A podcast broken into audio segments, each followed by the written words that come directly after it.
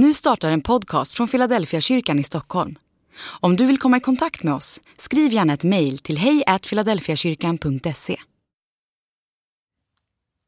Dag 68 Jesu uppståndelse är en föraning om vad som väntar oss. När vi blir kristna så låter vi döpa oss till Kristus. Dopet beskriver hur vi dör med Jesus, men också hur vi uppstår med Jesus. Delvis handlar uppståndelsen i dopet om det nya liv som Gud skapar i oss genom pånyttfödelsen.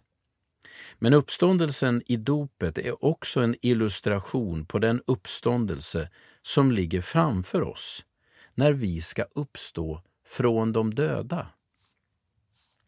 Den förvandling eller det förhärligande som Jesus var med om i sin uppståndelse väntar alla som tror på honom. Men nu har Kristus uppstått från de döda som den förste av de avlidna, skriver Paulus i Första Korintierbrevet kapitel 15 och vers 20. Jesus är alltså en prototyp för alla oss som tror på honom. Dopet är ett tecken på vad vi har att vänta.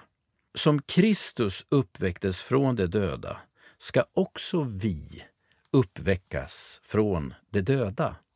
Med denna tanke blir läsningen av evangeliernas berättelse ännu mer fascinerande. I, det, I dessa berättelser kan du ana en berättelse om dig själv. Andlig övning. Du ska också uppstå från de döda på den yttersta dagen. Tacka Gud för hoppet om förvandling.